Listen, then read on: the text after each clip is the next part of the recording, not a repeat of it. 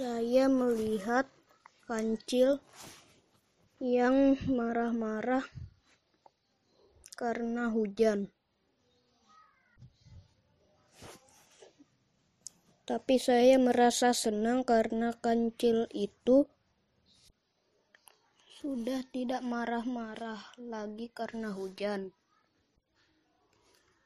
Saya berpikir sebaiknya kancil tidak boleh memarah-marahi sesuatu yang dikarenakan oleh alam.